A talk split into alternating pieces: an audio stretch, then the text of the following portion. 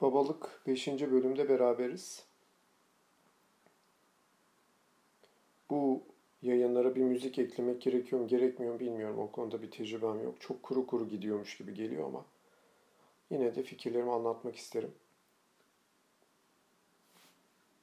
Oğlumuz Demir'in eve geliş anını artık yeni bir hayatın başladığını, evimizde artık şimdiye kadar hiç yaşamadığımız bir tecrübeyi yaşadığımızı kayınvalidemizle beraber belli bir süre geçirmek durumda olduğumuzu anlatmıştım. Başlangıç Demir'in eve geldiği ilk gün benim için çok karışık bir gündü. Ee, Filiz tabii ki sancıları, ağrıları, şunları bunları bir ameliyat geçirmiş biri olarak tabii ki vardı ve e, işe hakim olduğunu düşündüğümüz bir büyüğün evde olması çok rahatlatıcıydı tabii. Benim için başka bir evde yaşamak zor olsa da. İlk gece şöyle geçti. Ee, ilk gecem benim Demir'in sürekli nefes alıp almadığına bakarak geçti. Nefes alıyor mu?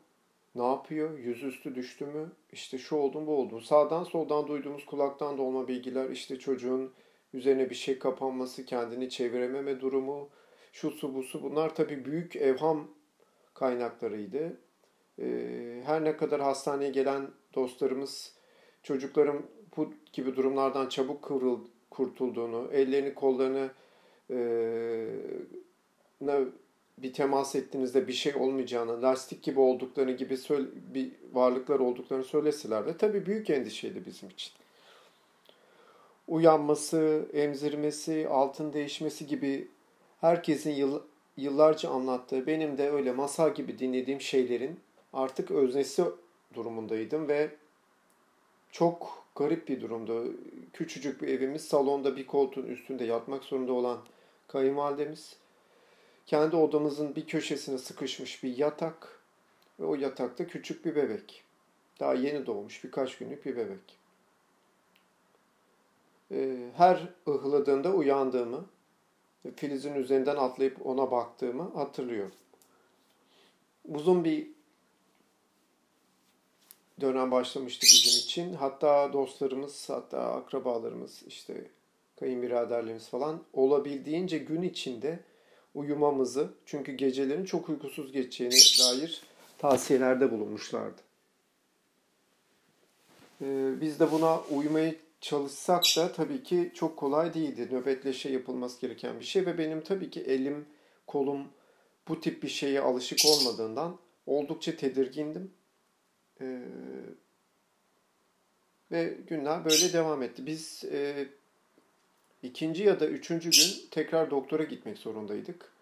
Ve yine çok soğuk bir hava vardı. Nisan gibi değildi hava. Ee, sanki bir, biz bir Mart ayı ortasında gibiydik. Arabamız yoktu. Artık taksi çağıracak yüzün de yoktu. Bir puseti yeni aldığınız puset gibi işte araba gibi bir şey ve ona demiri koyup o soğukta üstünü başını kapatarak doktora gitmeye çalıştık. Gittik neyi nereye koyacağımızı, arabayı nasıl iteceğimizi, neresinden neyin kilitlendiğini hakikaten bilmemek. O kadar garip bir durumda ki bu. Yeni araba kullanmaya başlamak ya da bir yeni yemek yapıyormuş gibi bir durumdu. O kadar acemiydi ki her şeyimizden acemilik akıyordu. Hastaneye girişimizden doktorun odasına girişimize kadar. Ee, doktor muayenesi, işte şunlar bunlar, işte herhangi bir sarılık şüphesinden bahsedilmiş. Bu sarılık tabii benim gözümde çok büyüyen bir şey ama e, çoğu insanın normal karşıladığı bir durum. Neyse ki öyle bir şey olmadı hatırladığım kadarıyla. İşte şunu yapmalısınız, bunu yapmalısınız falan filan. Eve dönüş yine böyle korkutucu bir şekilde. Acaba bir şey oldu mu endişesi. Ve günler geçmeye başladı. Değişmeler, alt değiş, işte kakasını yaptı mı şu ev. Açlık durumu söz konusu olmuştu ve e, açlık olup olmadığını bilmiyor. Çocuk emdiğini düşünüyordu biz de emdiğini düşünüyorduk ama meğerse ememiyormuş çünkü Filiz'in göğüslerinde bir sıkıntı varmış. Ve başka bir kaos başladı bu sefer. Bu çocuğu nasıl besleyeceğiz? Bize bir kart verildi hastaneden. Dediler ki gidip bir pompa bulacaksınız. Evet. Yanlış mı? Pompa.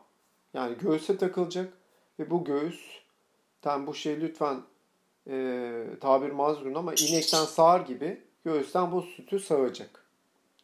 Çünkü e, Filiz'in göğsünde böyle bir topaklanma gibi bir şey olmuş ve e, bu ne yazık ki sağlıklı bir emzirmeyi engelliyormuş ve çok büyük bir acı vardı. Süt biriktiği için Demir'in Filiz'in göğsünde o süt akamadığı için içeride bir çeşit bir tortu, bir apse gibi bir şey yapmış. Gerçekten çok acı vericiydi Filiz'in çektiği acıyı görmek.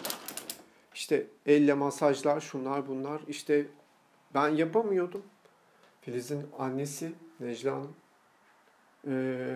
daha gaddarca, gaddarca demem şu bastırarak orayı açmaya çalışıyordu ama her şey sıkıntıydı.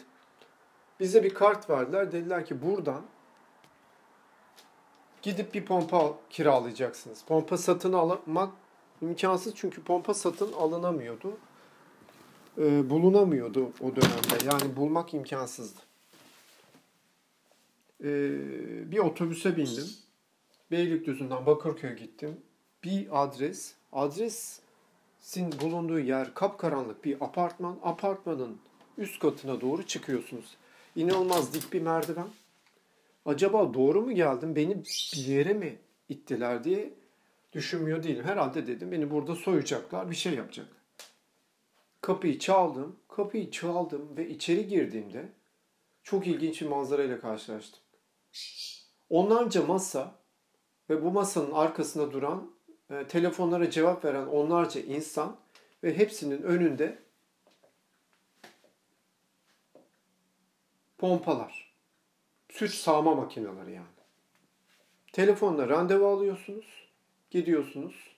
Size bir şey imzalattırıyorlar. Diyorsunuz ki şu tarihe kadar şu şekilde sağlam getireceğime, eğer getiremezsem şu kadar para ödeyeceğime ciddi de bir rakamdı. Ee, dair TC kimlik numaramdan bilmem nereye kadar bir şeyler. Yağmurlu bir gündü yaşadığım şeylere hakikaten aklım ermiyordu. Ben bunları yaşıyor olabilir miyim? Bir süt pompası almaya gittim. Çocuğum oldu. Evde bekleyen birileri var. Çocuğun o makine şeklinden makineyle salacak süte ihtiyacı var. Ve ben bir makine alıyorum. Ve bütün her şeyimi, bilgilerimi verdiğim bir kara kuşu bir yerden e, bu makineyi alıyorum. Bir şey olursa da dünya kadar para ödemeyi taahhüt ediyorum. Bir torbanın içine bunu koydum. Yağmurlu havada Tekrar otobüse bindim döndüm. Dönerken çok sevdiğim bir arkadaşım var. Onunla aradım. Dedim Kuan ben bir, bir başka bir alemde yaşıyorum. Yani bu gerçek değil. Yaşadığım şeyin gerçek olduğunu inanamıyorum. Çoğu zaman çok dertleştiğim, beni çok dinleyen bir arkadaşımdır. Cenk dedi ben böyle bir tecrübe yaşamadım. Ne desem boş. Fakat şu bir gerçek. Bunu bir tek yaşayan sen değilsin. Herkes hemen hemen bu yoldan geçen bir sürü insan var ve hepsi bir şekilde hayatta kaldığına göre sen de kalacaksın ve sen de alışacaksın. Ve bundan daha güzel bir açıklama şey yok. Yani ben tek değildim ve e, yaşadığım şey de sıra dışı değildi. Bir tek benim başıma gelmiyordu. Eve geldim. Makina bir fişe takıldığında inip çıkan piston var bir şeylerle çalışan işte vakuma göğüse takılan, vakumdaki göğüsten e, bir e, ne diyeyim size bir, bir şey biberona süt aktaran falan garip bir şey. Sütleri böyle alıyorsunuz, dolaba koyuyorsunuz, dolapta bozulmadan duruyor falan filan. Bir şekilde bu makine çalışmaya başladı ve e, çok acı verici bir şeydi başlangıç Filiz için. O anlarını hatırlıyorum. E, bir kadının bir kendine bunu niye yaptığını da anlamıyorum mesela. Çocuk sahibi olmanın bunca acıyı rağmen niye hala istendiğini de anlamış değilim. İşte ameliyat aşamasından bu tip şeylere kadar. Bir içgüdüsel bir şey oldu ortada. Bunu zaten anlamamız mümkün değil. Ve bu makine e, bir sağım makinesi olarak çalışmaya devam etti belli bir süre. Bir şekilde yoluna koyduk. E, bu sırada tabii enteresan şeyler yaşanıyordu. Örneğin e, demirin kakalı bezlerini e, gündüz çöpe atamıyorduk. Sebep de şuydu. Kakalı bezler e, gündüz çöpe atılmaz diye bir gelenek söylendi bize. Bunun temelini ara, aram, anlamış değilim ama evde bir köşede birikiyordu bunlar. Evin havasının nasıl değiştiğini anlatmam mümkün değil. Ee, evde sürekli çay kaynıyordu. Çünkü kayınvalidem çayı çok seviyordu. Biz hiç sevmemi, ben sevmezdim. Duvarların sırılsıklam olduğunu bu rutubetten, bu dumandan çok iyi hatırlıyorum. Duvarlar resmen e, ıslanmaya başlamıştı. Ama o çay kaynaması gerekiyordu. Çünkü onlar hep bu çay kaynardı. Bunun dışında eve gelen insanların sayısında çok büyük bir artış vardı. Bu kadar yeni doğmuş bir bebeğin bulunduğu eve bu kadar insanın hele artık e, böyle bir Covid süreci yaşadıktan sonra e, o dönemde nasıl bu kadar futursuz olabildiğimizi şu an hiç aklım ermiyor. Zaten o zaman ermiyordu. Öyle bir şey. Çocuğun elden ele gezdiği, herkesin yüzüne hohladığı, hühlediği, çocuğun buna rağmen nasıl sağlıklı kalabildiğini hala anlayamadığım bir dönem geçirdik. O kadar ki e, özellikle tabii benim kimsem yoktu İstanbul'da. Filiz'in ailesi her hafta sonu uzun bir süre geldiler. Ve bu gelme gitmeler artık öyle bir noktaya geldi ki e, bazı günler evde olmak istemiyordum. Evde olmadığım günler arkadaşlarımla buluşuyordum olabildiğince uzun dışarıda kalıp döndüğümde bakışlarım bana çok ayıp ettin, niye bizi karşılamadın tarzı noktaya geldiğinde görüyordum. Herkes fikir sahibiydi. Herkes şöyle olacak derdi, herkes böyle olacak diyordu. İşte şuydu buydu. Ee, geleneksel yapı, yani çocuğun kucaktan kucağa gezmesi ve herkesin yüzüne tüt tüt tüt gibi bir şeyler yapması ee, herhalde bunlar içerisinde en hafifiydi diyebilirim. Küçük çocuklar var, e, Filiz'in yeğenleri. Onların çocuğu sürekli mıncırma, e, taşıma hareketleri. Yani yüreğimin her dakika nasıl cız ettiğini anlatmam mümkün değil. Ayrıca bir de başka bir olay yaşadık. Ee, çocuğun yıkanma dönemi geldi. İşte göbek düştü, düşmedi, şuydu, buydu. Çocuğu yıkama seremonisi, işte filesi var, işte Sağ olsun annemiz e, bu konuda tecrübe sahibi de yıkadı ve bir gün tuzla olmamız gerektiğini söyledi çocuğu. Ben bunu çok anlayamadım ama duymuştum. Ee, çocuğun kokmaması için olduğu anlatıldı bana. Çocuk kokmaması için tuzlanırmış. Tuzu alıp kuru kuru vücuda sürüyorsunuz. Duruyor. Çocuğu sonra yıkıyorsunuz. Galiba öyleydi. Çok ciddi bir gerginlik hissettiğimi hatırlıyorum. Anne yapmayalım dedim. Hayır bu böyle olacak dediğini de hatırlıyorum galiba. İlk kez bu kadar serttik birbirimize. Normalde çok uzak, yakın değiliz. Çok uzak da değiliz. Sever beni. Ben de severim. Ama bu durumda bayağı gerginlik yaşadık. Bir kez yaptı ve bir ikinci yaptığında çocuk kıpkırmızı oldu. Vücudunun her yeri kabarmaya başladı. Filiz'i bir odaya, bir odaya derken zaten iki odamız vardı. Odaya çektim bir köşesini. Filiz dedim. Ciddi bir müdahale gerekiyor buna. Ve e, lütfen engelle. İnternetten baktım. Tuzla çocuk olmanın bir gelenek olduğunu ama e, bir, her çocukta aynı e, etkiyi vermediğini, çocuğun su kaybına kadar gidecek ve ölüme kadar gidebilecek bir e, yola sokulduğunu anlatıyordu bu makale, okuduğum makale.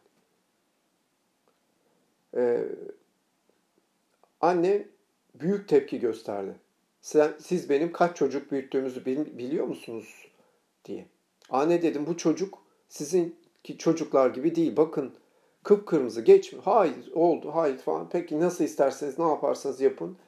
O küçücük evde bir şey dalgası, bir gerginlik esmeye başladı. Bu beklemediğim bir şey değildi. Bu e, yaşayacağım bir şeydi. Her dakika yaşayacağım. Bundan sonra hayatımda olan her şey. İnsanlarla arama koyduğu mesafenin artık zaten ortadan kalktığını biliyordum.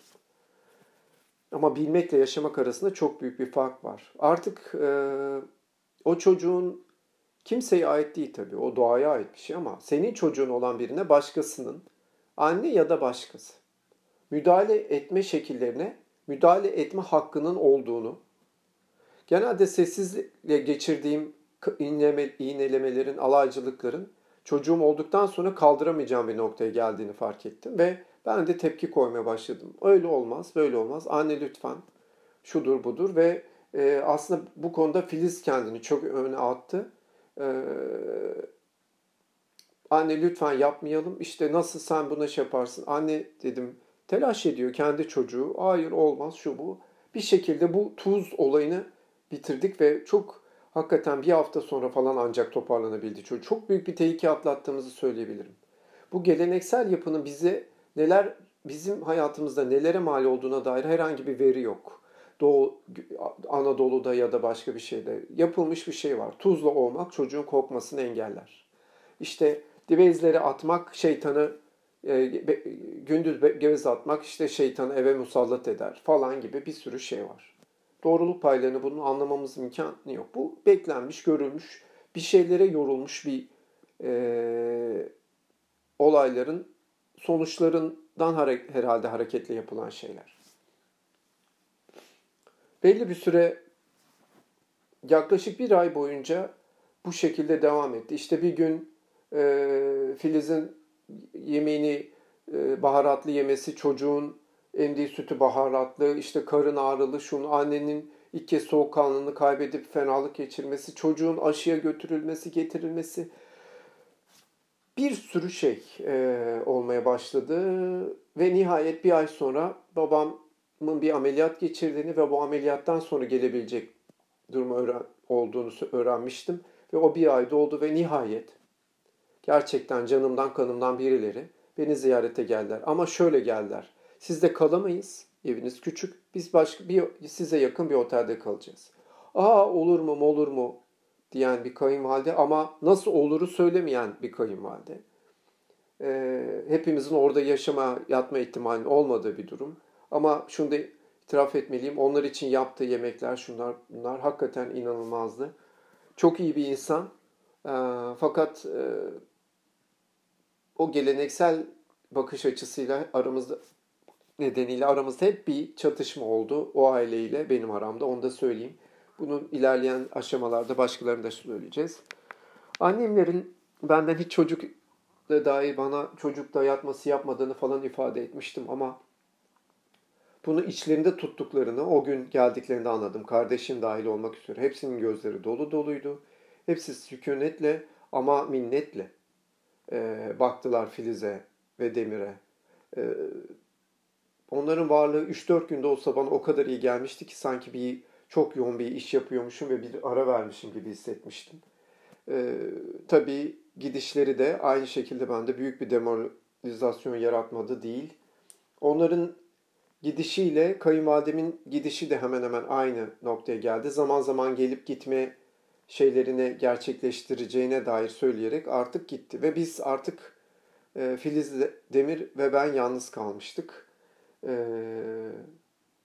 yani evde başka birinin olmasından mutsuz olan ben şimdi eyvah ne yapacağız noktasına gelmiştik. Ama şunu da çok ifade edeyim, ifade etmek isterim. Kayınvalidemin özellikle benim çocuğun gece uyanışlarına ya da e, herhangi bir sıkıntısına müdahale ediş şekillerime o duyduğu e, hayranlığı ve şaşkınlığı da ifade edeyim. Bir erkeğin gece çocuğu için kalkması onun gözünde inanılmaz bir şeydi. O zaman şunu anladım ki bu kadar çocuğu büyütürken dört kardeş Filizler tek başınaymış o.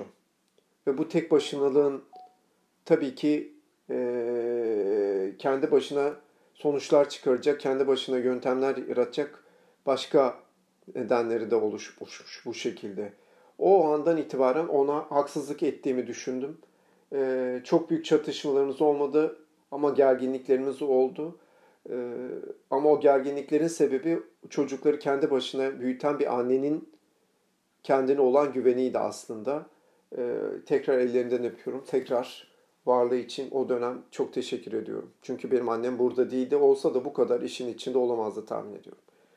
Şimdilik bu kadar. Devam edeceğiz. Teşekkür ederim. Sağ olun.